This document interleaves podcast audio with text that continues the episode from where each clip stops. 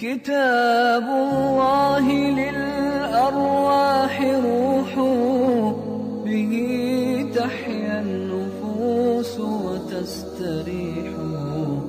كتاب الله للأرواح روح به تحيا النفوس وتستريح.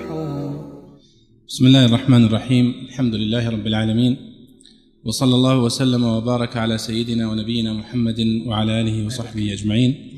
حياكم الله والإخوة والأخوات في هذه الليلة المباركة في مساء الأحد والثالث والعشرين من شهر ذي القعدة من عام 1434 للهجرة. وهذا الدرس هو الدرس الثاني والعشرون من دروس التعليق على تفسير الإمام البيضاوي. وقد وقفنا في اللقاء الماضي عند التعليق على قوله تعالى والله محيط بالكافرين وتحدثنا عن كلام الإمام البيضاوي عن هذه الآية ونبدأ بالآية رقم عشرين. في قوله تعالى يكاد البرق يخطف أبصارهم وتعليق الإمام البيضاوي. تفضل. الحمد لله رب العالمين والصلاة والسلام على نبينا محمد وعلى آله وصحبه أجمعين. اللهم اغفر لنا ولشيخنا وللحاضرين. يقول الله تعالى يكاد البرق يخطف أبصارهم. استئناف ثان كأنه جواب لمن يقول ما حالهم مع تلك الصواعق وكاد من أفعال المقاربة وضعت لمقاربة الخبر من الوجود لعروض سببه لكنه لم يوجد إما لفقد شرط أو لوجود مانع وعسى موضوعة لرجائه فهي خبر محض ولذلك جاءت متصرفة بخلاف عسى. وخبرها مشروط فيه أن يكون فعلا مضارعا تنبيها على أنه المقصود بالقرب من غير أن لتوكيد القرب بالدلالة على الحال. وقد تدخل عليه حملا لها على عسى كما تحمل عليها بالحذف من خبرها لمشاركتهما في أصل معنى المقاربة. والخطف الأخذ بسرعة وقرئ يخطف بكسر الطاء ويخطف على أنه يختطف. فنقلت فتحة التاء إلى الخاء ثم أدغمت في الطاء ويخطف بكسر الخاء لالتقاء الساكنين وإتباع الياء لها ويخطف ويتخطف. جميل. الإمام البيضاوي هنا بدأ بالحديث عن إعراب هذه الجملة. يعني والبيضاوي كثيرا ما يبدأ بالجانب النحوي فيعرب الآية فيقول إن جملة يكاد البرق يخطف أبصارهم هي جملة استئنافية. يقول استئناف ثان كأنه جواب لمن سأل سؤالا وهو يعني قوله ما حالهم مع تلك الصواعق. في الآيات التي سبقت في قوله سبحانه وتعالى آه كلما أضاء لهم مشوا فيه وإذا أظلم عليهم قاموا ولو شاء الله لذهب بسمعهم وأبصارهم إن الله على كل شيء قدير. في الآية التي قبلها آه تحدث الله سبحانه وتعالى عن المثل الناري الذي أو المثل المائي الذي ذكرناه أو كصيب من السماء فيه ظلمات ورعد وبرق. يكاد البرق يخطف أبصارهم. فكأن سائلا سأل وقال ما حالهم مع تلك الصواعق؟ فجاء الجواب بهذه الآية يكاد البرق يخطف أبصارهم. يعني أنهم مع هذه الصاعقة ومع هذا البرق هم في هذه الحالة. ثم تحدث البيضاوي عن معنى كاد في اللغة. فقال إن كاد من أفعال المقاربة. وهي كذلك في النحو كاد عسى اخلولق صار. هذه التي يسمونها كان وأخواتها. وكل واحدة من هذه الأفعال لها دلالة عند اللغويين.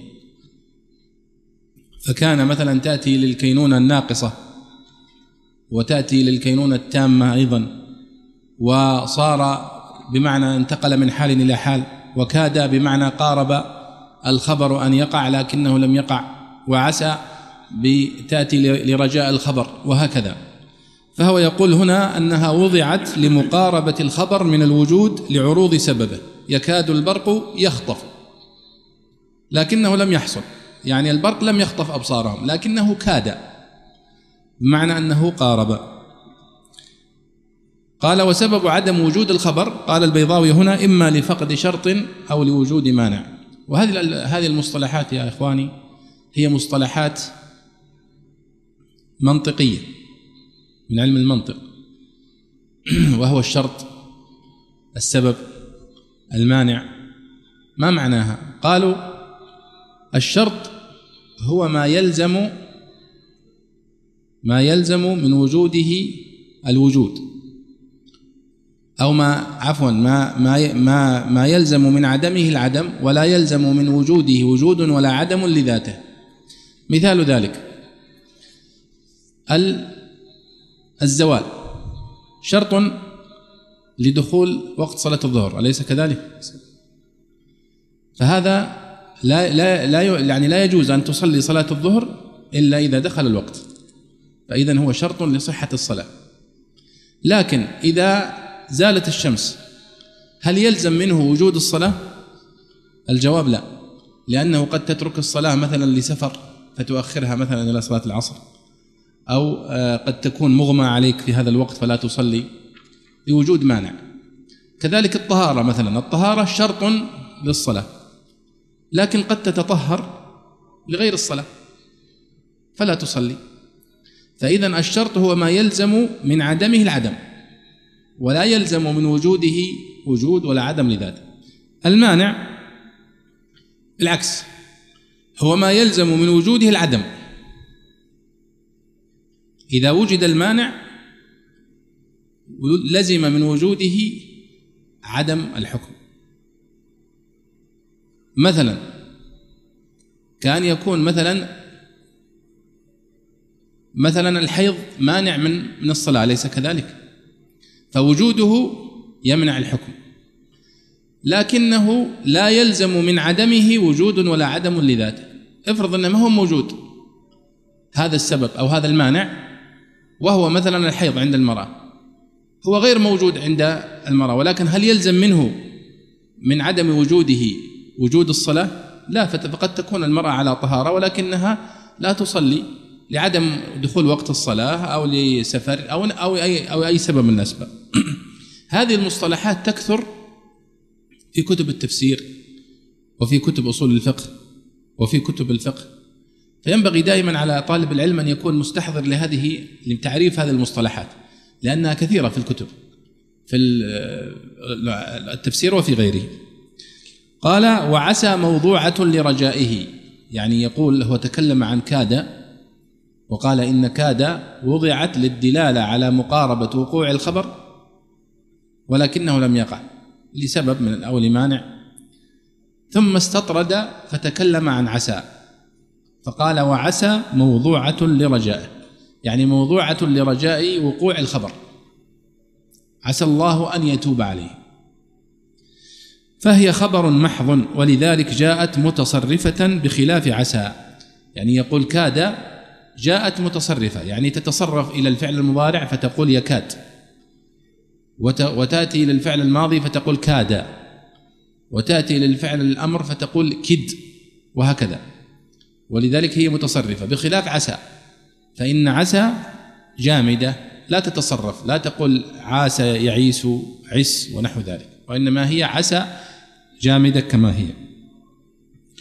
قال وخبرها يعني خبر كاد مشروط فيه أن يكون فعلا مضارعا تنبيها على أنه المقصود بالغرب بالقرب من غير أن. يكاد البرق يخطف. يكاد البرق يخطف. فيخطف كما تلاحظون هنا فعل مضارع ولم يدخل عليه أن. قال لتوكيد القرب بالدلالة على الحال وقد تدخل عليه أي تدخل عليه أن على الفعل. وقد تدخل عليه حملا لها على عسى.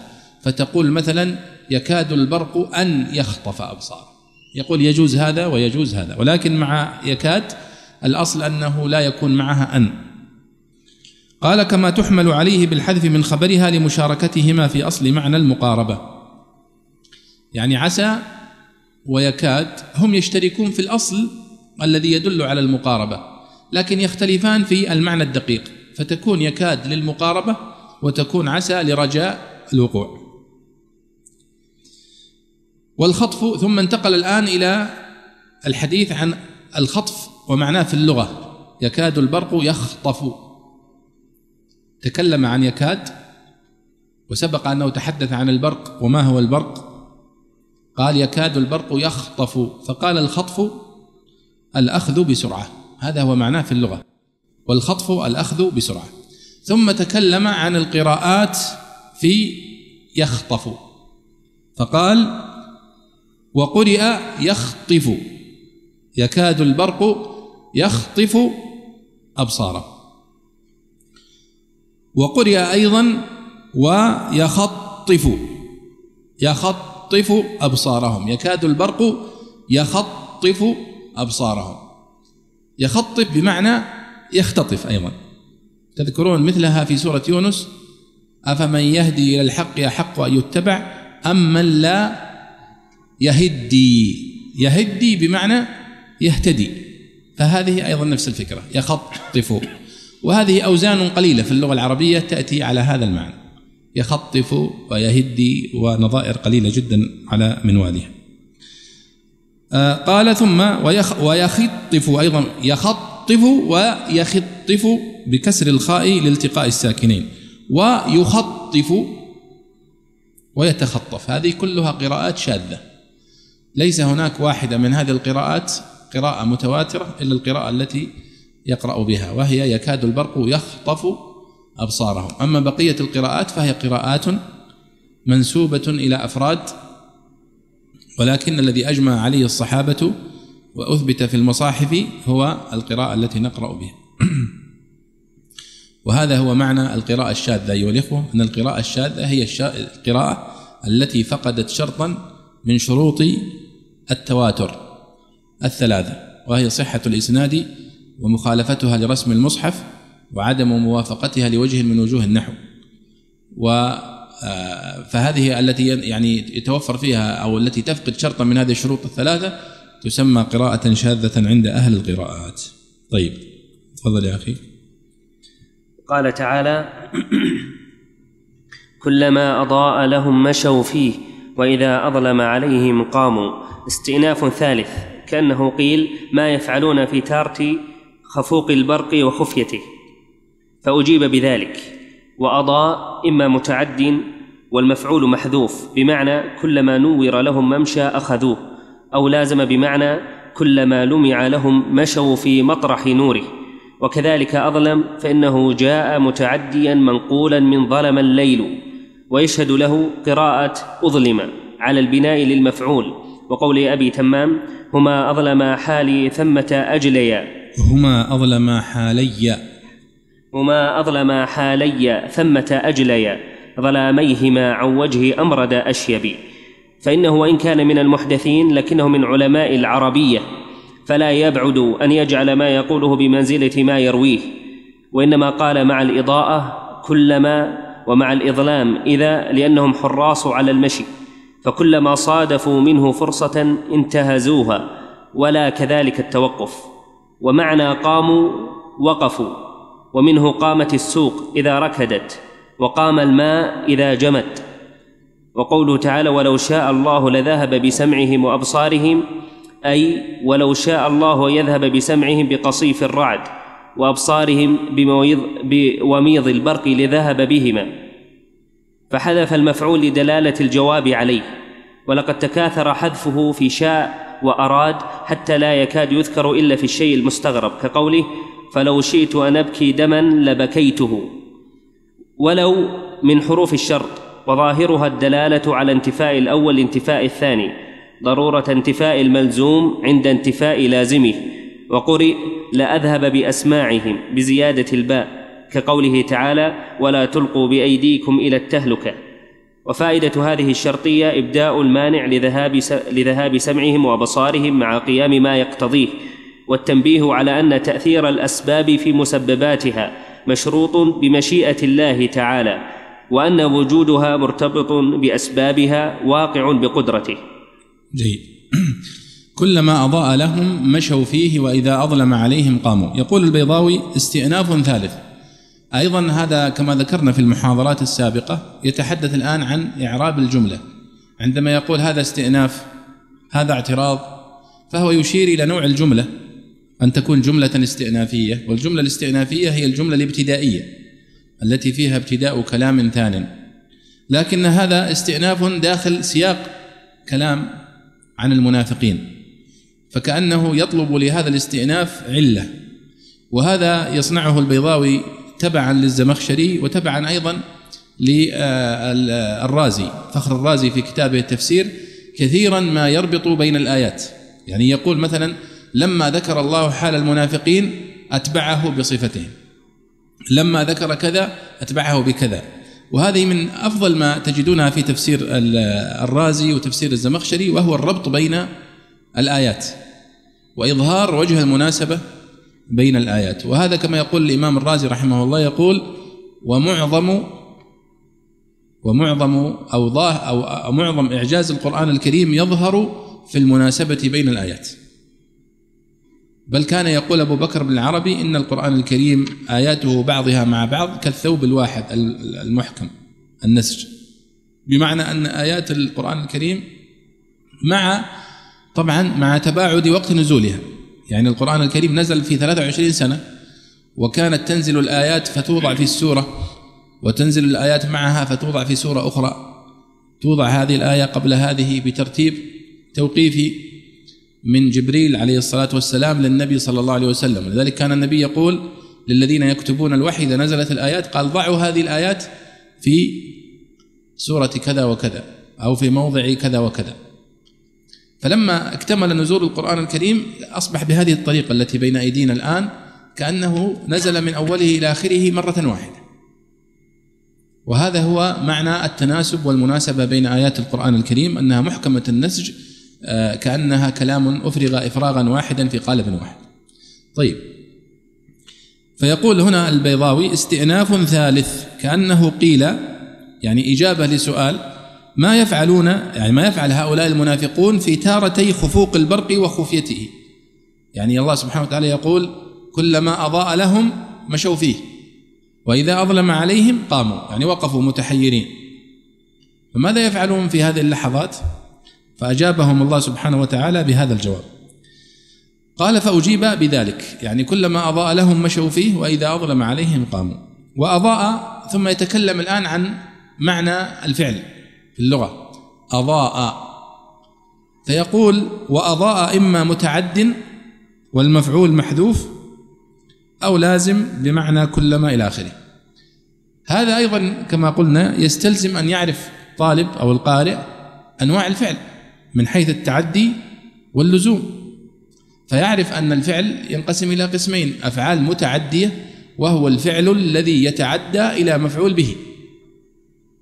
والفعل اللازم هو الذي هو الذي يكتفي بالفاعل. فإذا قلت مثلا ضرب المعلم التلميذ قلنا هذا فعل متعدي. ضرب فعل ماضي والمعلم فاعل. والتلميذ مفعول به منصوب.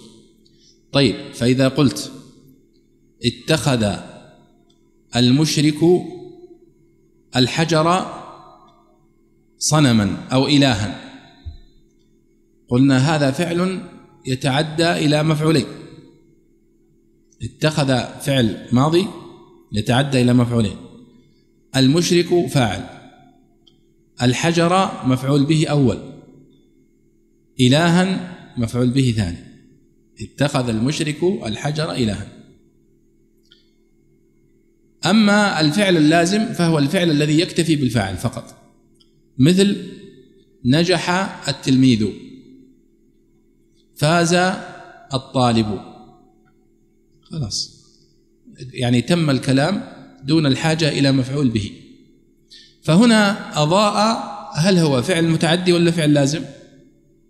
هنا يقول البيضاوي أضاء إما متعد والمفعول محذوف. يعني كلما أضاء لهم الطريق مشوا فيه.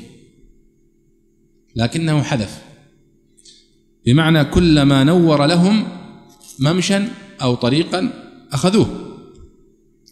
قال أو لازم بمعنى كلما لمع لهم مشوا في مطرح نوره. طيب. وكذلك أظلم. كلما أضاء لهم مشوا فيه. وإذا أظلم عليهم قاموا. أيضا نفس الفكرة في أظلم. هل أظلم فعل متعدي ولا فعل لازم؟ أظلم الليل. لازم. أو نقول أظلم الليل المكان. متعدي. طيب وش الدليل يا شيخ على أنه فعل متعدي؟ قال الدليل على ذلك بيت من الشعر لأبي تمام. قال هنا وكذلك أظلم فإنه جاء متعديا منقولا من ظلم الليل. ويشهد له قراءة أظلم على البناء للمجهول. كلما أظلم عليهم قاموا. في قراءة شاذة. وقول أبي تمام هما أظلم حالي ثمة أجليا ظلاميهما عن وجه أمرد أشيبي. ثم قال البيضاوي وهذه كلمة مهمة جدا فإنه وإن كان من المحدثين لكنه من علماء العربية فلا يبعد أن يجعل ما يقوله بمنزلة ما يرويه. هذه مسألة أيها الإخوة من المسائل التي يعني قالها الزمخشري. هذا الكلام كلام الزمخشري ترى وليس كلام البيضاوي. والبيضاوي نقله كما هو بنصه ولا علق عليه ولا قال شيء. وبالتالي فنحن نقول أن البيضاوي يعني يقول برأي الزمخشري في هذه المسألة. الزمخشري في هذا الموضع بالذات استشهد بقول لأبي تمام على أن أظلم تأتي متعدية. هما أظلم حاليا يعني أظلم حاليا مفعول به حاليا. ثم تأجليا ظلاميهما عن وجه أمرد أشيبي السؤال هو هل يجوز؟ هل يجوز؟ هل يجوز الاحتجاج بشعر أبي تمام في إثبات اللغة العربية؟ في إثبات الاشتقاق؟ في إثبات دلاله التراكيب؟ الجواب لا. طيب لماذا يستشهد به الزمخشري هنا؟ الزمخشري استشهد بقول لأبي تمام على مسألة نحوية وعلى مسألة صرفية وهو هل هذا هذا الفعل متعدي ولا لازم؟ فهو احتج بقوله بقول أبي تمام ثم قال بعد ذلك فإنه وإن كان من المحدثين يعني هو من الشعراء المحدثين المتأخرين لكنه من علماء العربية. يقول إن أبا تمام عالم من علماء العربية. وأبو تمام هو حبيب بن أوس الطائي الشاعر المشهور العباسي المتوفى سنة 231 هجريه وفاة أبي تمام في هذه السنة تدل على أنه من المتأخرين عن عصر الاحتجاج. وهنا مسألة مهمة وهي سبق أن تحدثنا عنها في ربما في التعليق على بعض الشواهد الشعرية في التفسير وهي من هم الشعراء الذين يحتج المفسرون بشعرهم؟ يعني البيضاوي كثيرا ما يحتج وسوف يحتج وسوف تأتي معنا كثيرا من الشواهد الشعرية يبينون بها معنى اللفظة الغريبة. يعني تأتي لفظة قرآنية. فنحتاج إلى بيان معنى هذه اللفظة. فنقول معنى هذه اللفظة كذا. والدليل على أن معناها كذا قول الشاعر كذا وكذا وكذا. فمن هو الشاعر الذي يجوز للمفسر أن يحتج به؟ الجواب أن يقال هم الشعراء الذين كانوا في عصر الاحتجاج اللغوي إما في العصر الجاهلي وهو أفضل العصور من حيث الاحتجاج بلغته لأن لا يوجد أي تأثير للقرآن الكريم على لغتهم. يعني لا يمكن أن تأتي فتقول زهير بن أبي سلمى قال كذا تأثرا بالقرآن.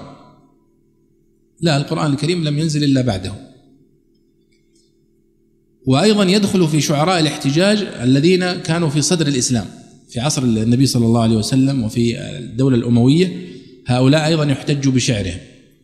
مثل حسان بن ثابت رضي الله عنه وعبد الله بن رواحة وأيضا الذين جاءوا بعدهم مثل الحطيئة ومثل الفرزدق وجرير والكميت بن زيد الأسدي والطرماح بن حكيم وغيرهم. ثم يتوقف الاحتجاج عند سنة 150 هجرية أو 145 هجرية أو 160 هجرية على اختلاف بين النحويين واللغويين في هذا وبعضهم يجعل وفاة الشاعر القرشي إبراهيم ابن هرمة. شاعر اسمه إبراهيم ابن هرمة. القرشي يقولون هذا آخر شعراء الاحتجاج. هو في خلاف في وفاته. هل توفي سنة 145 هجرية؟ أو سنة 176 هجرية طيب الشعراء الذين جاءوا بعد هذا التاريخ خلاص أغلقت أغلق باب الاحتجاج. خلاص. وأقفلت أبواب الشواهد الشعرية. طبعا هناك من يرى من العلماء يقول لابد أن نفرق بين شعراء البادية وشعراء الحاضرة. لأن شعراء الحاضرة اختلطوا بالعجم ولذلك تأثروا في لغتهم. فنحن نقول شعراء الحضر نتوقف عند سنة 145 150 هجرية. أما الأعراب وشعراء البادية الذين لم يختلطوا بهم فنحن نمد الاحتجاج قليلا. ولذلك يذهب ابن جني في بعض المواضع من كتاب الخصائص ويقول وكان يحتج هو بأناس عاصرهم هو هو ابن جني بنفسه. وابن جني توفي سنة 392 هجرية متأخر. لكن الذي عليه العمل والصحيح أن العلماء والمفسرين قد توقفوا عند الاحتجاج بهذا التاريخ سنة 150 160 هجرية. ولذلك بشار بن برد وهو من الشعراء الفصحاء المميزين لم يحتج اللغويون والمفسرون بشعره مع أنه توفي سنة 160 هجرية يعني متقدم.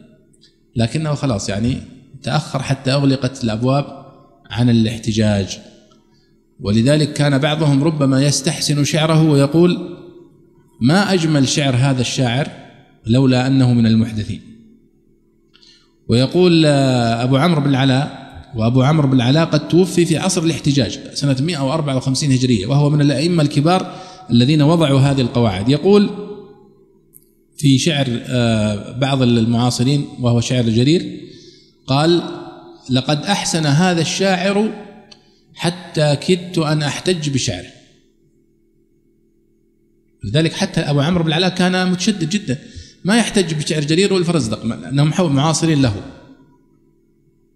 والصحيح أنه قد احتج بشعر جرير والفرزدق في كتب التفسير كثيرا. ولذلك هنا الزمخشري خالف المفسرين في هذا الموضع. ولذلك دائما عندما يناقش المفسرون مسألة الاحتجاج بالشعر قالوا وأما احتجاج الزمخشري بشعر أبي تمام فلا يؤبه به. يعني هذا الكلام الذي قاله الزمخشري ووافقه عليه البيضاوي هنا لا قيمة له ولم يتابعه عليه أحد. فهو يقول هو وهو وإن كان من المحدثين يقول أنا أعرف أن أبا تمام من المتأخرين ولكنه من علماء العربية. فلنجعل ما يقوله بمثابة ما يرويه. كيف؟ الآن أبو تمام له ديوان من الشعر مشهور جدا. هو يسمى ديوان الحماسة. وهو عبارة عن مختارات شعرية اختارها أبو تمام. في قصة طريفة ذهب ليزور أحد أصدقائه في بلاد ما وراء النهر في جهة الجمهوريات الإسلامية. فحاصره الثلج. يعني جاء موسم الثلج ولم يستطع أن يعود من السفر فانقطع في مكتبة صديقه هذا. فصنف كتاب الحماسة في هذا في هذه المناسبة وأخذ يتخير من شعر العرب في ستة أبواب. أول أبواب منها باب الحماسة وهو باب الشجاعة والحرب والقتال وسماه باب الحماسة. ثم باب الهجاء ثم باب النسيب إلى آخره. واشتهر هذا الديوان بأول باب فيه وهو باب الحماسة فسمي ديوان الحماسة. هذا الديوان الذي اختاره أبو تمام كله لشعراء متقدمين جاهليين وإسلاميين. ولذلك احتج المفسرون بكل الشعر الذي أورده أبو تمام في ديوان الحماسة. وله كتابان كتاب اسمه الحماسة الصغرى الذي طبع باسم الوحشيات وكتاب هو ديوان الحماسة المشهور في مجلدين. ولذلك يقولون في كتب التفسير وخاصة مثل الزمخشري ومثل البيضاوي يقول قال الحماسي تجدون في كتاب التفسير ستمر معنا أن أن يحتج بقول شاعر من الشعراء الذين وردوا في ديوان الحماسة. فما عاد يذكر اسم الشاعر. ما عاد يقول قال مثلا ربيعة الرقي ولا قال ربيعة بن مقروم الضبي ولا قال فلان من الشعراء الجاهليين لا. يقول قال الشاعر الحماسي. نسبة إلى أنه قد ذكر له أو روى له أبو تمام في كتابه آه، الحماسة شيئا من الشعر. خاصة الزمخشري قال الحماسي قال الحماسي قال الحماسي.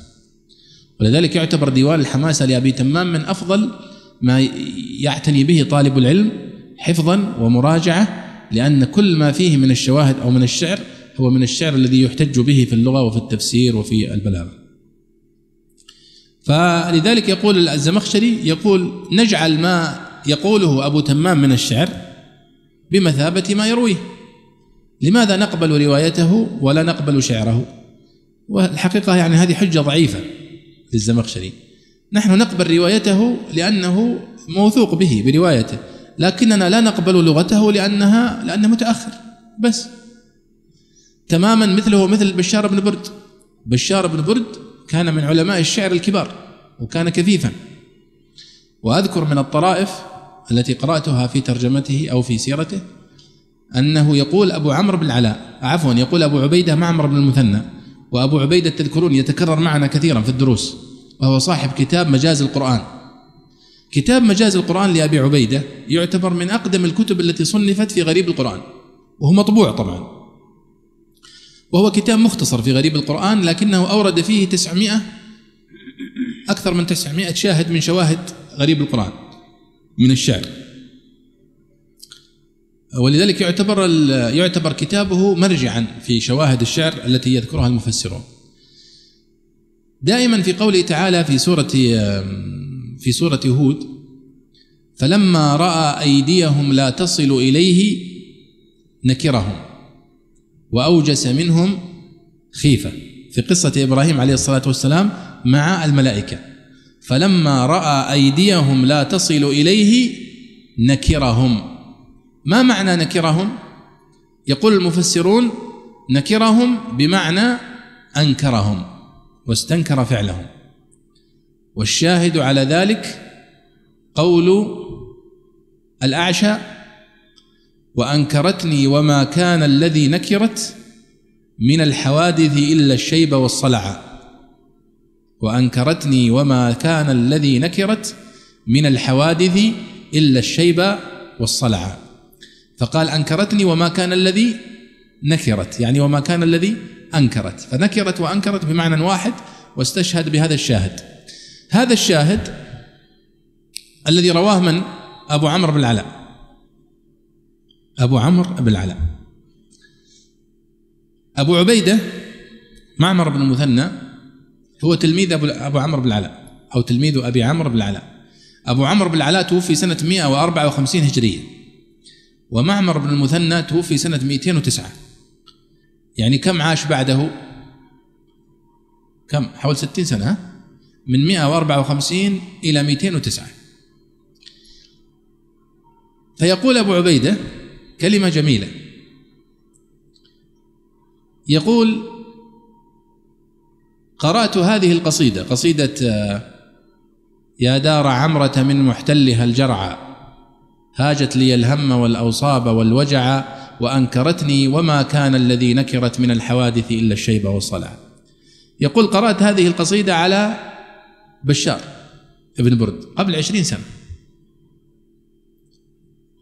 طبعا بشار قلت لكم مات سنة 160 يعني تأخر عن أبي عمرو بن العلاء أربع أو ست سنوات. يقول قرأت عليه هذه القصيدة فقال هذا البيت ليس للعشاء.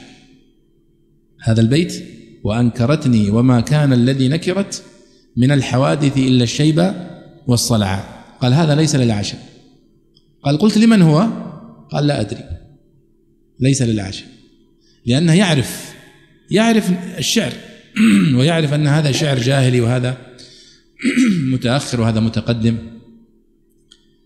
فيقول أبو عبيدة لما كان أبو عمرو بن العلاء في مرض موته قال لي يا أبا عبيدة والله ما كذبت على العرب في شيء رويته عنهم قط. أبو عمرو بن العلاء يعتبر من أوثق الرواة وهو أحد القراء السبعة كما تعلمون. أبو عمرو بن العلاء البصري هو أحد القراء السبعة وهو إمام من أئمة اللغة والرواية ولذلك نصف شعر العرب الذي وصلنا عن طريق أبي عمرو بن العلاء. فيقول ما كذبت على العرب في شيء في شيء رويته عنهم قط إلا في كلمة واحدة أو في حرف واحد. قال وما هو؟ قال في كلمة زدتها على الأعشى في قوله آه، يا دار عمرة من محتلها الجرعى وهي قول قولي فأنكرتني وما كان الذي نكرت من الحوادث إلا الشيبه والصلاة. طبعا هذه الرواية تذكر في ترجمة أبي عمرو بن العلاء وتذكر في ترجمة أبي عبيدة معمر بن المثنى. وأنا شخصيا أشكك في هذه الروايات. لسبب. اولا المفسرون كلهم أو معظمهم خاصة مثل الطبري وأبو عبيدة يستشهدون بهذا الشاهد. ولو كان لأبي عمرو ما قبلوه. اثنين. أبو عمرو بن العلاء نفسه كان من أشد الناس تشددا في الاستشهاد. فكيف يستشهد ببيت وهو الذي قاله؟ هذه واحدة. الثانية الأمر الثالث أن مثل هذه الروايات التي تجدونها في كتب التراجم يقصد منها الطعن في هؤلاء الأئمة الكبار. ما هو معقولة أنه يخفي هذا الأمر ثم يخبر به أبا عبيدة في مرض الموت فقط؟ يعني هذه ليست من الأمانة في شيء وهي تتعارض مع ما عرف عن أبي عمرو بن العلاء من الثقة والأمانة والصدق والتحري الشديد وهو كان يرفض الاستشهاد بشعراء قبله بسنوات فكيف يستشهد بقوله؟ ثم يستشهد بذلك على بيان معنى من معاني القرآن الكريم هذا أيضا من الأمور الشديدة جدا التي كان يتحرج العلماء فيها كثيرا كانوا يتحرجون بالتفسير. يعني نحن الناس في المت... من المتقدمين كانوا يتحرجون من القول في تفسير القرآن الكريم. وعلى رأسهم عبد الملك بن قريب الأصمعي. وعبد الملك بن قريب الأصمعي هذا هو من أوسع رواة العربية على الإطلاق. وهو تلميذ ل آه، أو من أقران أبي عبيدة معمر بن المثنى. وهو ممن جاب الصحاري وأخذ عن العرب وشافههم وهو من أحفظ الناس على الإطلاق. وبالرغم من ذلك كان يتردد ويتوقف في بيان معنى اللفظة الغريبة في القرآن الكريم. فإذا سئل عن أي لفظة غريبة في القرآن الكريم يسكت قل هذه في القرآن. حتى إنه سمع يوما أن سمع أبو عبيدة يوما أن الأصمعي ينتقد تأليفه لكتاب المجاز فذهب إليه وقال يا عبد الملك. ما هو الخبز؟ قال الخبز هو هذا الذي نأكله الذي يأكله الناس. قال سبحان الله تتكلم في القرآن؟ قال وما ذاك؟ قال الله سبحانه وتعالى الم يقل؟ وأما الآخر فقال إني أراني أحمل فوق رأسي خبزا تأكل الطير منه. قال إنما هو شيء بان لنا فقلنا به. يعني عرفناه عن العرب وقلنا به. قال وكذلك أنا. أنا نفس الطريق. أنا ما قلت في مجاز القرآن ولا في بيان معاني برأيي وإنما قلت ما سمعت من العرب وما رويت عن العرب. فسكت الأصمعي. ولذلك كانوا انتقدوا أبا عبيدة انتقاد شديد في كتابه ثم بعد مدة أصبح هو المرجع الوحيد لهم. ولذلك تلاحظون في تفسير الطبري يكاد يكون موجود بكامله في كتابه. طيب نعود إلى يعني الخلاصة من هذا المسألة أيها الإخوة. خلاصة أنه آه، الاحتجاج بشعر الشعراء توقف حيث قلت لكم سنة 150 هجرية. والسبب الذي جعل العلماء يتوقفون هو أنه قد اختلط الأعاجم بالعرب فتأثرت الألسنة ولذلك رأى العلماء أنه يجب وجوبا وضع حد للاحتجاج. وهذه مسألة مهمة جدا وقد ترتب عليها ولله الحمد حفظ اللغة حفظ قواعد النحو إلى اليوم ولله الحمد. ولولا مثل هذا القرار لدخل اللحن في لغة العرب كما دخل في لغات كثيرة غيرها والتغير اللغوي و لذلك نحن ولله الحمد نقرأ القرآن اليوم كما نقرأه كما كان يقرأه السلف ونعربه ونفهمه كما كان يفهمه السلف رحمهم الله. وهذا بفضل الله سبحانه وتعالى ثم بفضل جهود هؤلاء الأئمة العلماء الذين حفظوا لنا هذه القواعد وهذه الأصول.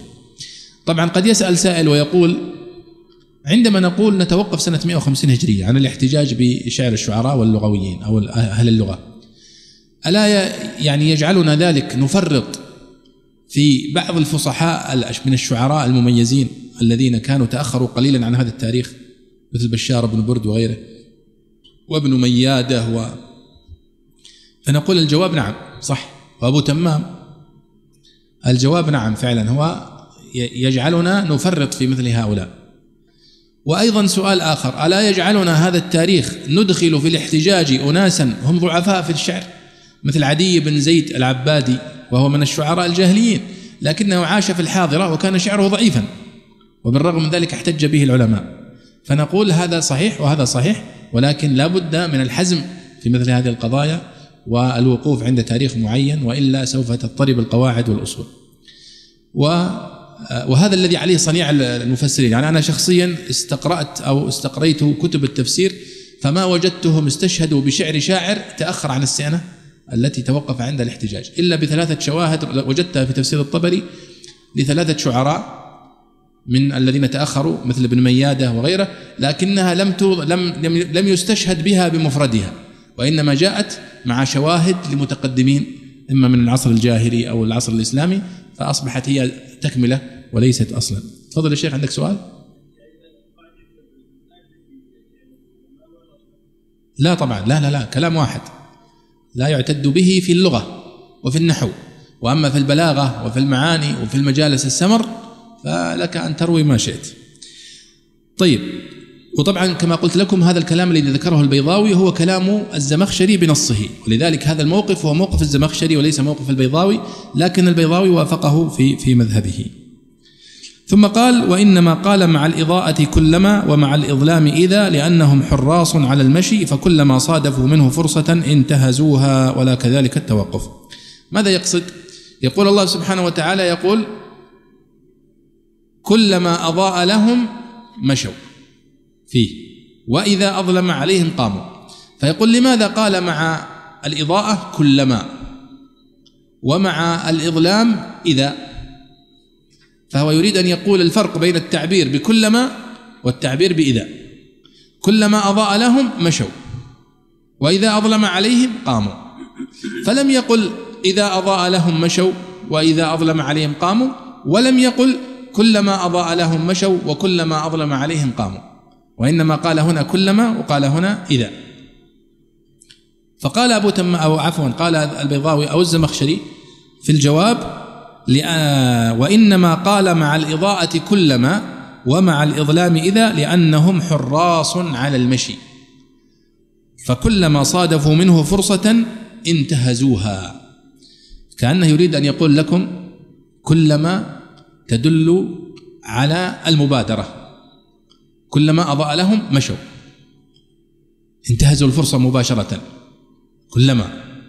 أما آه، إذا أظلم عليهم قاموا فإنهم يتحيرون ويتوقفون مع الظلام ولا ينتهزونه. يعني هم ينتهزون فرصة الإضاءة ما ينتهزون فرصة الإظلام.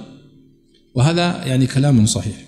وطبعا هذا يرجع أيها الإخوة إلى مسألة وهي دلالات كل ما في اللغة العربية. يعني الآن لو كلفت واحد من الطلاب وقلت تعال ابحث لي عن دلالات كل ما في لغة العرب. فالمفروض أن يرجع إلى استخدامات الشعراء الذين يحتج بشعرهم إلى القرآن قبل ذلك. كيف استخدم القرآن الكريم كلما؟ آه، كيف استخدمها النبي صلى الله عليه وسلم في الأحاديث النبوية؟ كيف استخدمها الأعراب في خطاباتهم؟ يجمع هذا كله ثم يقول والله أنا من خلال استقرائي وجمعي لكلام العرب الذين يحتج بهم وجدت أن كلما فعلا تستخدم في المبادرة. فمثلا كلما نضجت جلودهم بدلناهم جلودا غيره. وهذا فيه إشارة إلى أن التعذيب مستمر ما في ولا فرصة للاستراحة. كلما وهكذا. وقس على ذلك بقية المواضع. طيب ثم قال ومعنى قاموا وقفوا. وإذا أظلم عليهم قاموا. ما معنى قاموا؟ نحن في لغتنا الآن اليوم إذا قلنا قام بمعنى وقف. أليس كذلك؟ ونقول لفلان قم بمعنى قف يعني انتصب واقفا. هنا في الآية وإذا أظلم عليهم قاموا. هي فيها معنيين أنهم واقفين أصلا لأنهم كلما أظلم أضاء لهم مشوا فهم أصلا يمشون. وإذا أظلم عليهم بقوا واقفين متحيرين. فمعناها فمعنى قاموا هنا يعني وقفوا متحيرين. فليس معناها قاموا بمعنى انتصبوا من جلوس كانوا جالسين فوقفوا وإنما كانوا ماشين فتوقف طيب ومنه قامت السوق إذا ركدت. طبعا يستشهد ببعض العبارات اللغوية. العرب تقول قامت السوق إذا ركدت. وقام الماء إذا جمد. ولو شاء الله لذهب بسمعهم وأبصارهم. أي ولو شاء الله أن يذهب بسمعهم بقصيف الرعد أو يذهب بأبصارهم بوميض البرق لذهب بهما فحذف المفعول لدلالة الجواب عليه. فلم يقل الله سبحانه وتعالى ولو شاء الله إذهاب أسماعهم وأبصارهم لذهب بها وإنما قال ولو شاء الله لذهب بسمعهم وأبصارهم وحذف المفعول به. قال لدلالة الجواب عليه. ثم استدل على ذلك. وهذا يعني لاحظوا أيها الإخوة كتب التفسير كتب بيان. الهدف منها البيان والإيضاح. فأنت الآن كأنك الآن تطلب من البيضاوي أن لا يتجاوز أي شيء حتى يبين لك ويوضح. فأنت عندما قال لك البيضاوي هنا أن الله سبحانه وتعالى حذف المفعول به لدلالة الجواب عليه كأنك قلت له ما هو الدليل على ذلك؟ أن تتحدث في القرآن. فيقول الدليل موجود. ولو شاء الله لذهب بسمعهم وأبصارهم. أصل الكلام ولو شاء الله إذهاب سمعهم وأبصارهم لذهب بسمعهم وأبصارهم. ولكنه حذف المفعول لدلالة الجواب عليه. والدليل على ذلك أنه في لغة العرب كثر حذف المفعول. في شاء وأراد حتى لا يكاد يذكر. وإنما يذكر في حالة واحدة. ما هي هذه الحالة؟ قال إذا سار المفعول غريبا. كما في قول الشاعر مثلا ولو شئت أن أبكي دما لبكيت عليه ولكن ساحة الصبر أوسع. فهو يقول ولو شئت أن أبكي دما هذا من يعني هذا مفعول به نادر فذكره. ولو شئت أن أبكي دما لبكيته عليه ولكن ساحة الصبر أوسع. فيقول مثل هذا الموضع يكون غريب ونادر آه، فيذكره الشاعر وقد عارضه ابن عاشور في هذا المعنى وقال هذا غير صحيح. في القرآن الكريم فيه بعض الآيات ولو شئنا لأنزلنا لأنزلنا ملائكة في الأرض. فيقول هذا غريب ولكنه لم يذكر المفعول. فيقول الصحيح أن هذه تعتمد على السياق الذي ترد فيه إما أن يذكر المفعول به أو لا يذكر. وليس هناك حالة مضطردة كما يزعم هنا البيضاوي أو الزمخشري. ثم قال ولو من حروف الشرط ولو شاء الله لذهب بسمعهم وأبصارهم لكنه لم يذهب أليس كذلك؟ فلو هنا هو حرف يدل على الامتناع من حروف الشرط وظاهرها الدلالة على انتفاء الأول لانتفاء الثاني. ولو شاء الله لذهب بسمعهم وأبصارهم لكن مشيئة الله قضت ألا يذهب بسمعهم وأبصارهم. ضرورة انتفاء الملزوم عند انتفاء لازمه. وهذا صحيح من دلالة لو. وهذا أيضا يعيدنا أيها الإخوة لما كنا تحدثنا عنه كثيرا في دلالات حروف المعاني. حروف المعاني مهمة جدا أنك تقرأ فيها كتابا. وسبق أني ذكرت لكم كتاب الجنى الداني في حروف المعاني لابن أم قاسم المرادي. الجنى الداني في حروف المعاني لابن أم قاسم المرادي في مجلد. هذا كتاب رائع جدا ومختصر ذكر فيه حروف المعاني كلها. كل حرف من حروف المعاني. الحروف المعاني المقصود بها ضد حروف المباني. حروف المباني اللي هي معروفة هذه حروف الهجاء. ألف باء تاء ثاء جيم حاء خاء. هذه حروف مباني. ما لها معنى. وش معنى الجيم؟ وش معنى الباء؟ ما لها معنى. أما حروف المعاني فهي الحروف التي تدل على معاني مثل كي لو لم لن إذا. هل ونحوها. هذه كلها حروف تدل على معاني مثل كي مثلا كي تدل على التعليل ونحو ذلك لو تدل على الامتناع تدل على التمني وغير ذلك. ثم قال وقرئ لأذهب بأسماعهم ولو شاء الله لأذهب بأسماعهم بزيادة الباء وهي قراءة شاذة منسوبة لابن أبي عبلة وهو أحد الذين تنسب إليهم قراءات غير محفوظة شاذة. ثم قال البيضاوي وفائدة هذه الشرطية في قوله ولو شاء الله لذهب بسمعهم وأبصارهم. ما فائدة الشرط في هذه الآية؟ قال وفائدة هذه الشرطية إبداء المانع لذهاب سمعهم وأبصارهم مع قيام ما يقتضيه والتنبيه على أن تأثير الأسباب في مسبباتها مشروط بمشيئة الله تعالى وأن وجودها مرتبط بأسبابها واقع بقدرته. يعني يقول هذه الآية فيها إشارة إلى أن هؤلاء المنافقين هم يستحقون العقوبة. ولكن الله سبحانه وتعالى لم يوقعها عليهم. لأمرين. الأمر الأول التنبيه على أن تأثير الأسباب في مسبباتها لا يكون إلا بتقدير الله سبحانه وتعالى. وهذا صحيح. الله سبحانه وتعالى لا يقع تأثير السبب في المسبب إلا بقدرته سبحانه وتعالى. ولذلك لما أمر النار ألا تحرق إبراهيم لم تحرق إبراهيم. قلنا يا نار كوني بردا وسلاما مع أن العادة أن الذي يوضع في النار يحترق. لكنه عندما أمرها بخلاف هذا العادة لم تقع. قال وأن وجودها مرتبط بأسبابها واقع بقدرته سبحانه وتعالى. طيب أيوه اقرأ آخر الآية. إن الله على كل شيء قدير. وقوله إن الله على كل شيء قدير كالتصريح به والتقرير له والشيء يختص بالموجود لأنه في الأصل مصدر شاء أطلق بمعنى شاء تارة.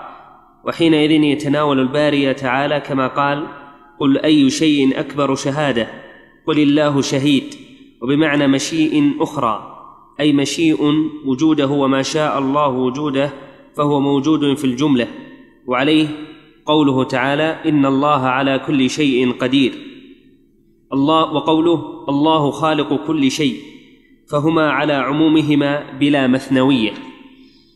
والمعتزلة لما قالوا الشيء ما يصح أن يوجد وهو يعم الواجب والممكن أو ما يصح أن يعلم ويخبر عنه فيعم الممتنع أيضا. لزمهم التخصيص بالممكن في الموضعين بدليل العقل. والقدرة هو التمكن من إيجاد الشيء. طبعا قبل أن تقرأ هذا نعلق على هذا. طبعا في قوله إن الله على كل شيء قدير. يعني ختام الآية واضح.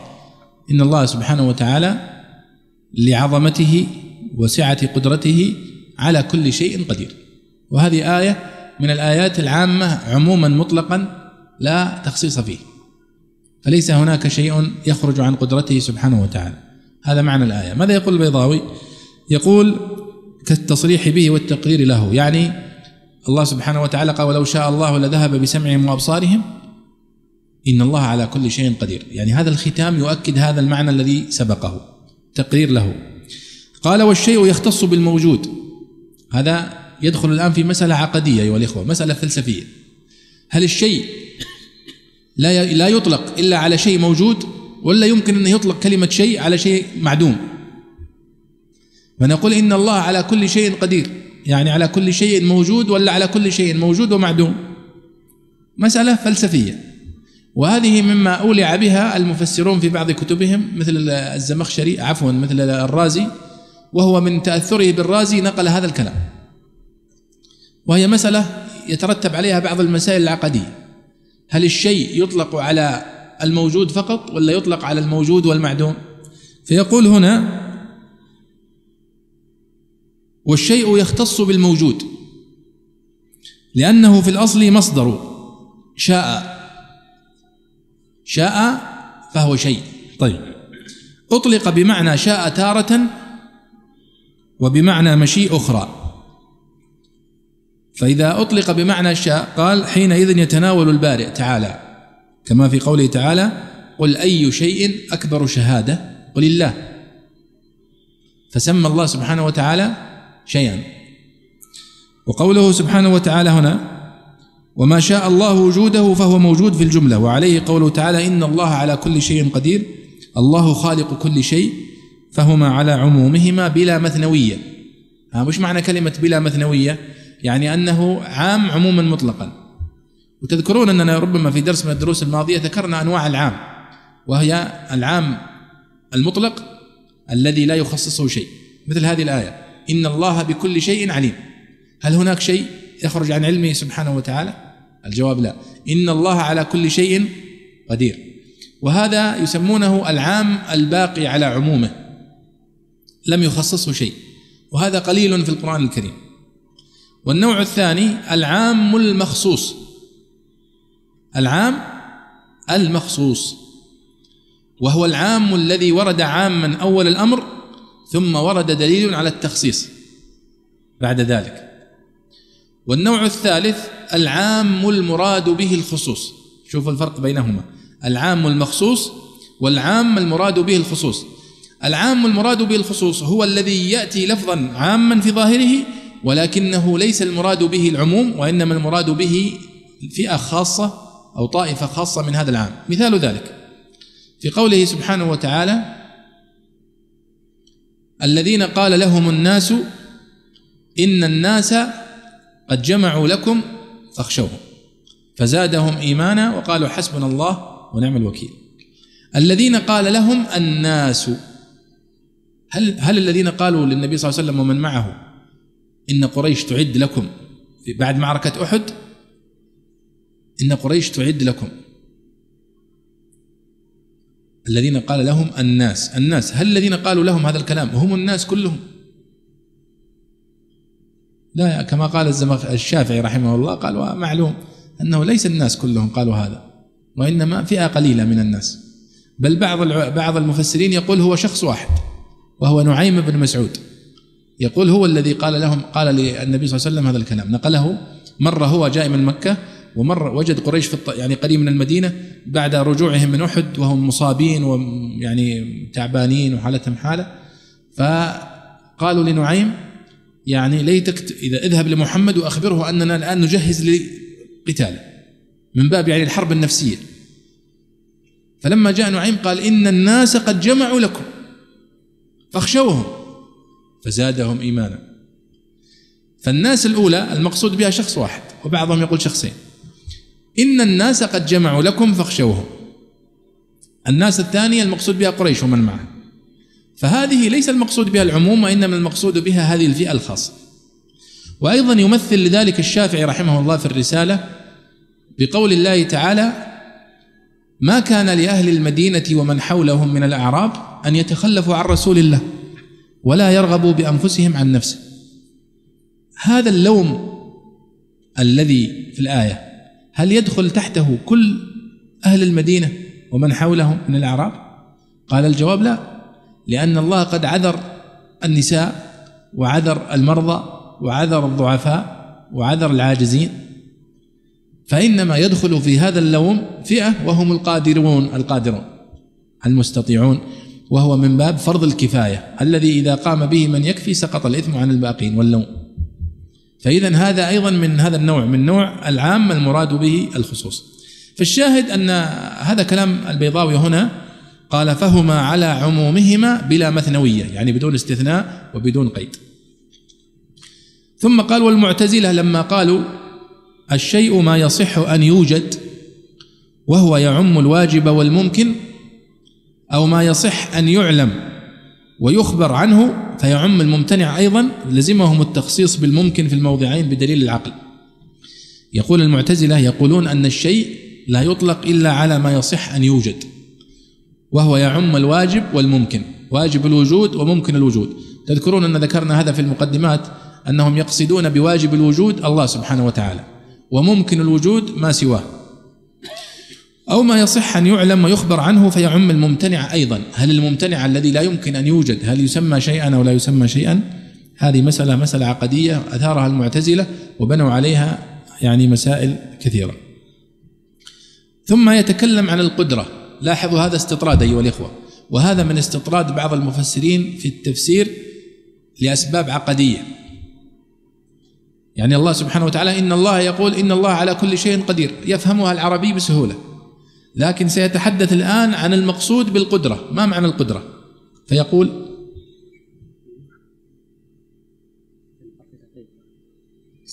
والقدرة هو التمكن من إيجاد الشيء. والقدرة هو التمكن من إيجاد الشيء. وقيل صفة تقتضي التمكن. وقيل قدرة الإنسان هيئة بها يتمكن من الفعل. وقدرة الله تعالى عبارة عن نفي العجز عنه. والقادر هو الذي إن شاء فعل وإن لم يشأ لم يفعل. والقدير الفعال لما يشاء على ما يشاء ولذلك قل ما يوصف به غير الباري تعالى. واشتقاق القدرة من القدر لأن القادر يوقع يوقع الفعل على مقدار قوته أو على مقدار ما تقتضيه مشيئته. وفيه دليل على أن الحادث حال حدوثه والممكن حال بقائه مقدوران. وأن مقدور العبد مقدور لله تعالى لأنه شيء وكل شيء مقدور لله تعالى. والظاهر أن التمثيلين من جملة التمثيلات المؤلفة وهو أن يشبه كيفية منتزعة من مجموع تضامت أجزاؤه وتلاصقت حتى صارت شيئا واحدا بأخرى مثلها. كقوله تعالى مثل الذين حملوا التوراة ثم لم يحملوها. الآية فإنه تشبيه حال اليهود في جهلهم بما معهم من التوراة بحال الحمار في جهله بما يحمل من أسفار الحكمة. والغرض منها والغرض منهما تمثيل حال المنافقين من الحيرة والشدة بما يكابد من انطفأت ناره بعد إيقادها في الظلمة أو بحال من أخذته السماء في ليلة مظلمة مع رعد قاصف وبرق خاطف وخوف من الصواعق.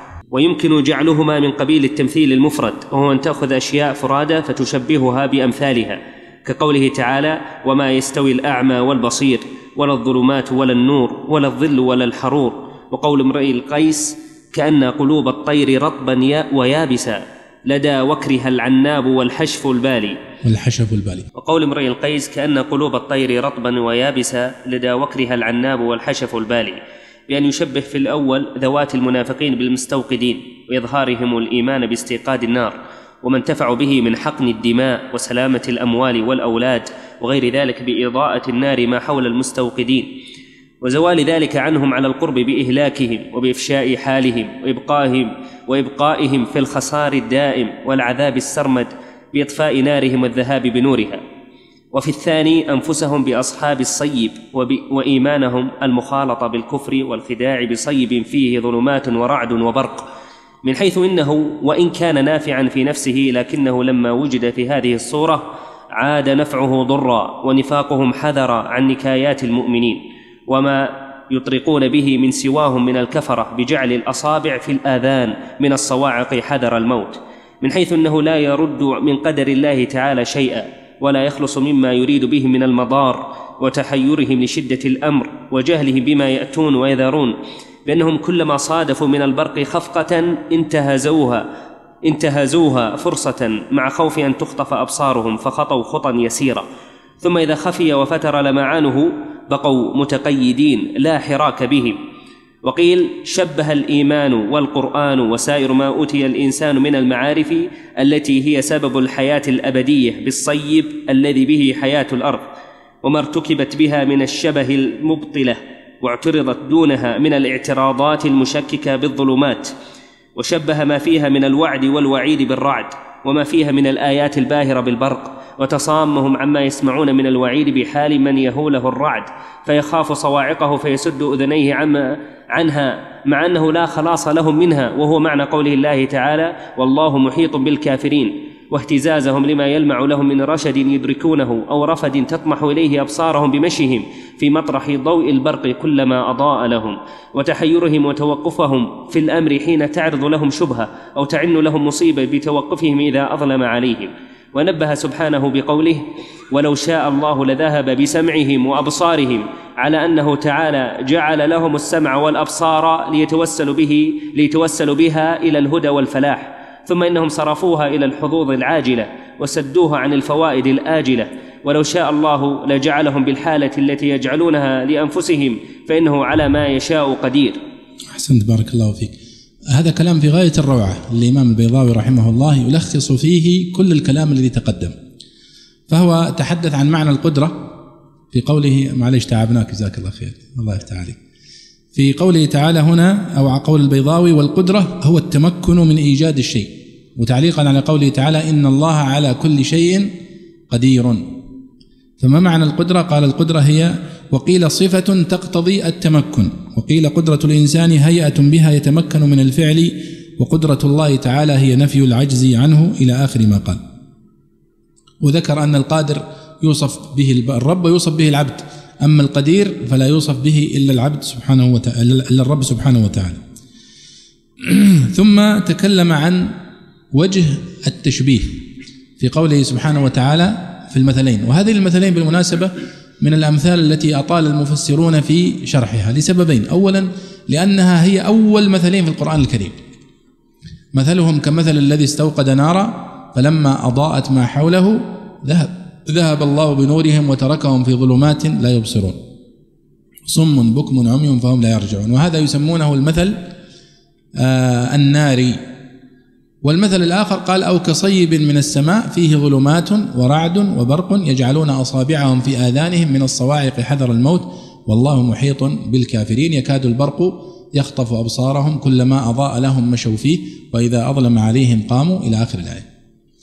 فالبيضاوي بعد أن تكلمنا في المحاضرات الماضية عن عن كلامه على هاتين الآيتين هنا يلخص فيقول والظاهر أن التمثيلين يعني المثلين السابقين من جملة التمثيلات المؤلفة.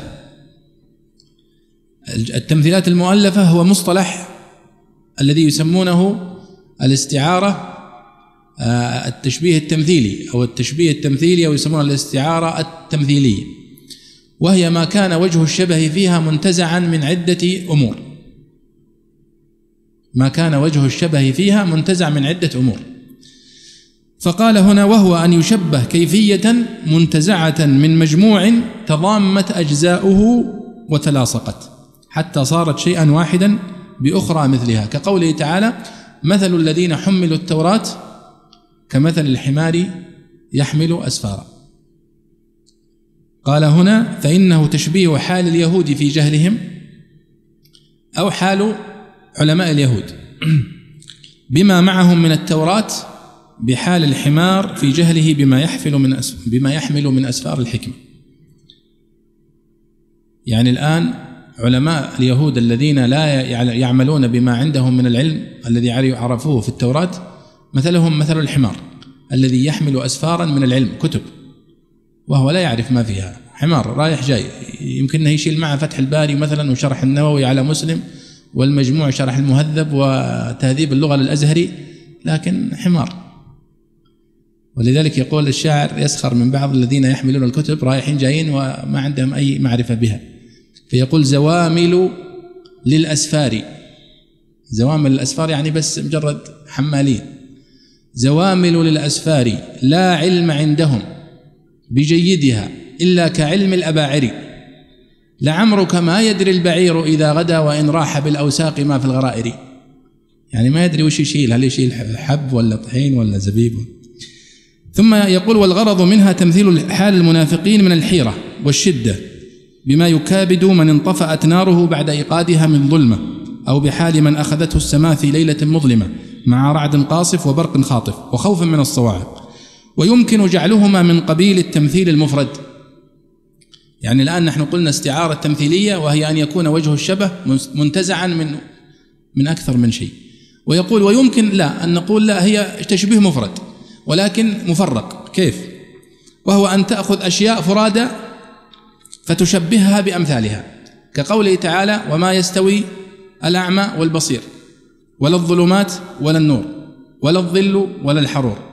فهذا بالرغم من أنها تشبيهات متشابهة يعني متعددة إلا أنها مفردة. الظل والحرور والأعمى والبصير الظلمات والنور وهكذا.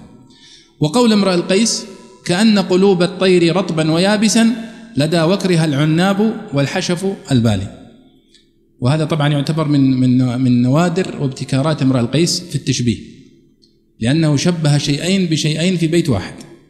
فهو في قصيدته اللامية المشهورة وقد يعني ذكرت منها شواهد كثيرة في أثناء الدروس. ألاعم صباحا أيها الطلل البالي وهل يعما من كان في العصر الخالي؟ وهل يعما إلا سعيد مخلد قليل الهموم ما يبيت بأوجالي؟ ثم يقول يصف هذا الصقر الذي يعني يأكل الطير ويعني أمام عشه كثيرة فيقول كأن قلوب الطير رطبا ويابسا لدى وكرها العناب والحشف البالي. وحتى الصورة فيها جمال يعني يقول هذا النسر الذي يأكل هذه الطيور الصغيرة فتجد أمام يعني قريب من عشه الطير الذي أكله من قديم أصبح يابس قلبه كأنه حشف حشف اللي هو التمر اليابس البالي. وأما الذي أكله حديثا فكأنه العناب. شفتوا العنب؟ حبة العنب عندما يعني تكون مليئة بالماء وكذا ثم تنفجر فيكون واضح أنها حديثة الانفجار أو كذا فيقول كأن قلوب الطير رطبا شبهها بالعنبة ويابسا شبهها بالحشف فقال كأن قلوب الطير رطبا ويابسا لدى وكرها العناب والحشف البالي. فهو تشبيه مفرد لكنه تشبيهين ولكنه تشبيه مفرد. ثم طبعا شرح هو الحديث عن ذوات المنافقين في قوله مثلهم كمثل الذي استوقد نارا في كلام واضح وسهل ولكنه مهم جدا ويكاد يعني يكون من أجمل ما ذكر المفسرون في تفسير هذه الآيات ما ذكره البيضاوي في هذا الموضع. لأنه أبان إبانة واضحة عن وجه الشبه في هذه الآيات التي ذكرها الله سبحانه وتعالى عن المنافقين. ولعلي أختم أيها الإخوة الحديث عن المنافقين. نسأل الله أن يكبتهم ويكفينا شرهم. بما ذكره الإمام الطاهر بن عاشور رحمه الله في تفسيره آه، حيث أنه بعد الانتهاء من تفسيره لآيات المنافقين لأن انتهينا الآن من تفسير آيات المنافقين وسندخل الآن في حديث آخر. يا أيها الناس اعبدوا ربكم وهو أول نداء في القرآن الكريم. فالبيضاوي رحمه الله في تفسيره التحرير والتنوير آه، عندما تكلم عن أحوال المنافقين آه، ذكر يعني هذه الشجرة الجميلة وهذا طبعا هذا من تأليف هذا هذا كتابة ابن عاشور. يعني التصميم هذا هو تصميم ابن عاشور في تفسيره. آه، حيث استخدم يعني التشجير وسماه جدول. ماذا صنع فيه؟ قال هذه الأمراض النفسانية الناشئة عن النفاق وما يتولد منها ومن تزايدها. فيقول أن هذه الآيات التي وردت في أول سورة البقرة كشفت لنا عن أن الأمراض النفسانية التي تصيب المنافقين بسبب النفاق أبرزها ثلاثة أمراض. المرض الأول هو مرض الكذب. ويصبح هذا الكذب ملازم للمنافق. خلاص. زي ما تقول يعني حقوقه محفوظة للمنافقين. والمرض الثاني الخوف. الخوف. فدائما المنافق خائف. مضطرب. كما قال الله سبحانه وتعالى تعالى عنهم فهم في ريبهم يترددون.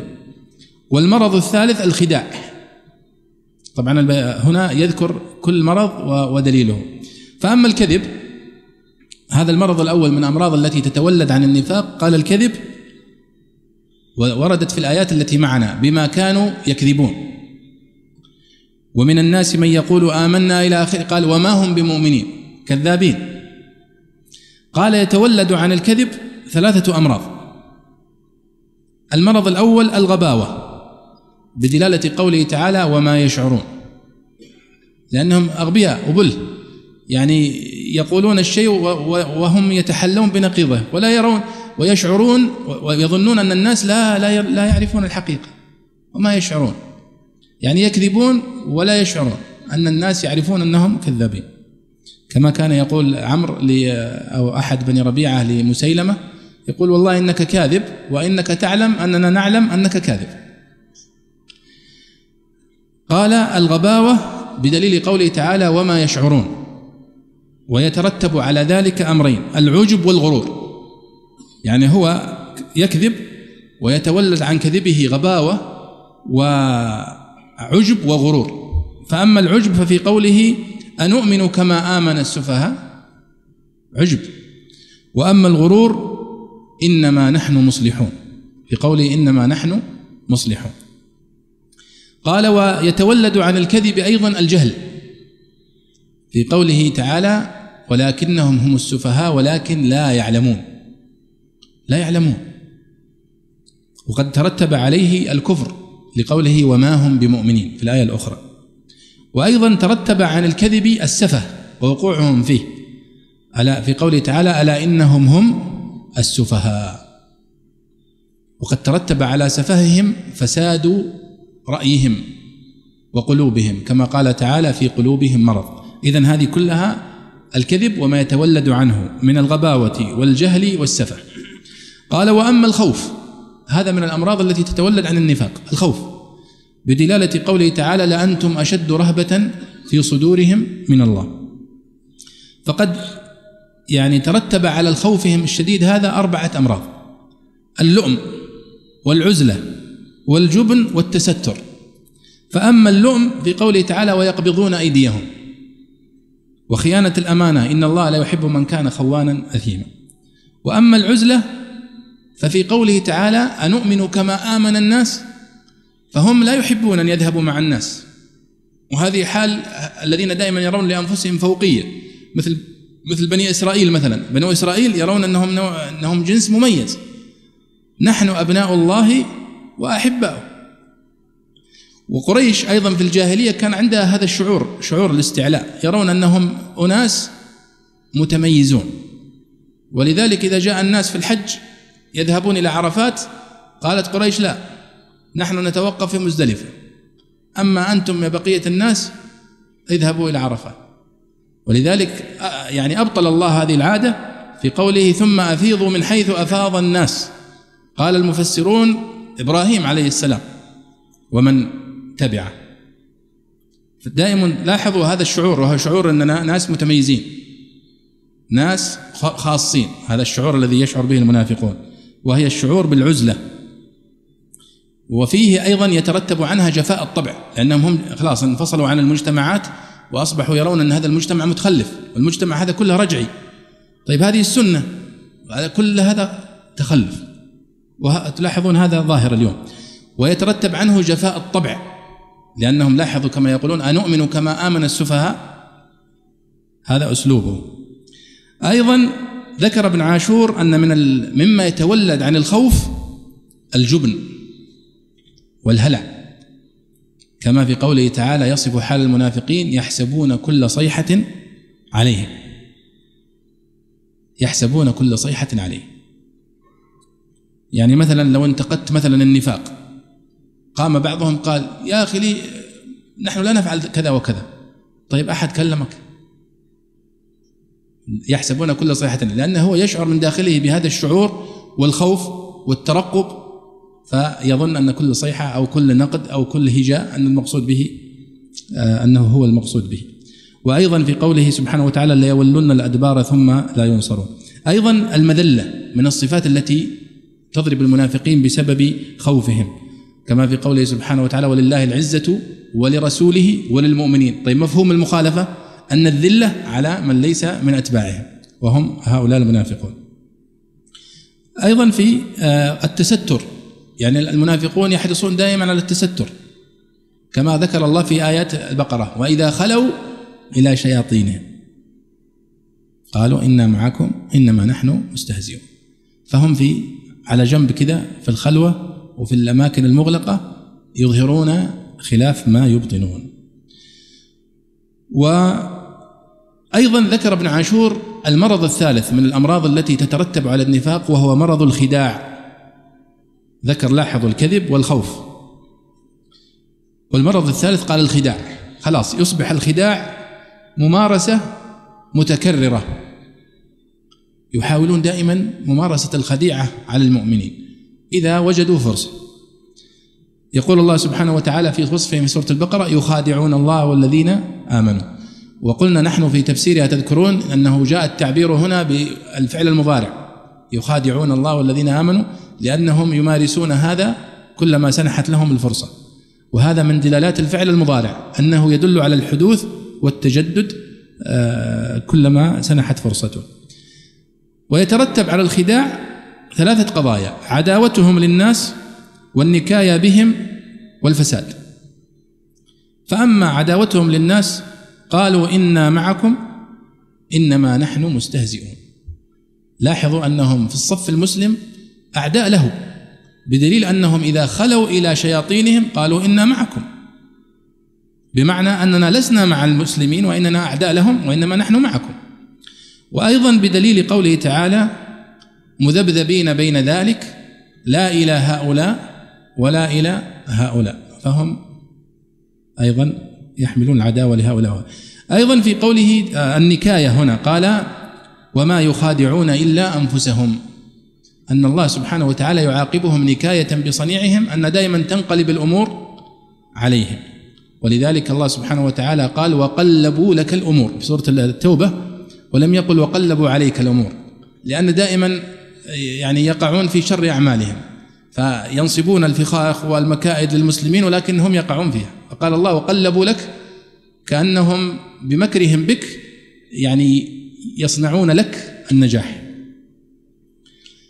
وهذا أثمر يعني كثرة مخادعتهم للمؤمنين وكذا أثمرت الاستهزاء بهم أصبحوا مسخرة.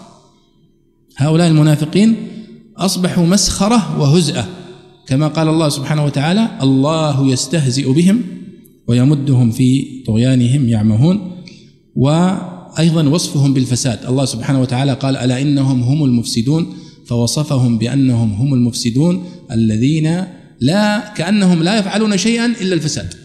كانهم متخصصون في في هذا الأمر والعياذ بالله وهذه يعني كما قلت لكم هذه الشجرة هي آه، من صنيع الإمام الطاهر بن عاشور رحمه الله تعليقا على آيات المنافقين في سورة البقرة ونكتفي بهذا وصلى الله وسلم على سيدنا ونبينا محمد وعلى آله وصحبه أجمعين. كتاب الله للأرواح روح